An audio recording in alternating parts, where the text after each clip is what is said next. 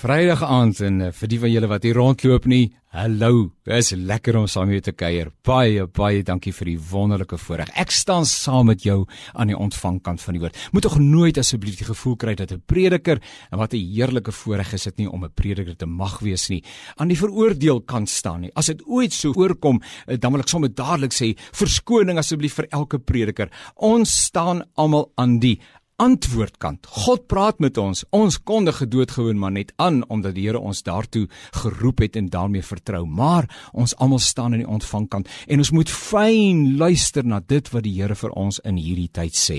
En ons vind ons aansluiting in hierdie herlewingsgesprekke by 2 Kronieke 7 vers 13 en 14. En daar staan wanneer dit ongemaklik gaan rondom ons en ons fyn luister na die Here en ons tog die afleiding wil maak dat uh, die die mekaarheid rondom ons iets iets te doen het met ons eie geestelike tamheid, ons onindrukwekkende geestelike lewens.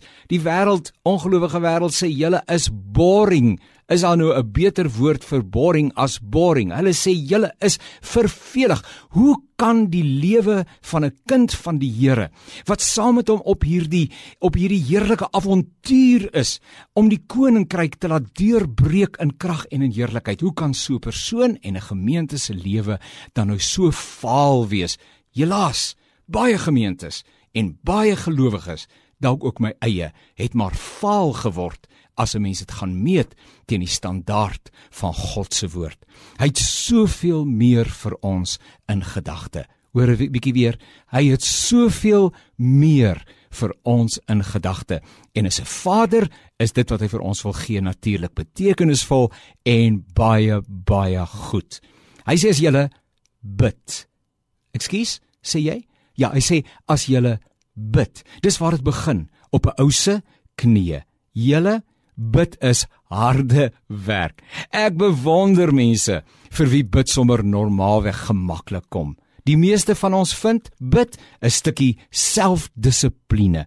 Dis 'n afhanklikheidsverklaring. Ek het nie die antwoorde nie. Ek weet nie hoe vorentoe nie. Ek kan nie sonder u nie. Ek het u verskriklik nodig. Die wêreld rondom my val in mekaar. Ons wêreld is besig om in te ploeter. Wat is die mooi woord nie? In te val. Here, ontmoet ons. Ons soek u. Ons het u nodig. Ons kan dit nie sonder u doen nie. Intersessie, gebed, 'n vasgryp van God in die geloof, soos sê Jakob, ek sal u nie los totdat u my geseën het nie die kerk in Suid-Afrika in hierdie tyd. Here, ons sal U nie los totdat U ons herleef het nie. Mag die Here dit waarmaak.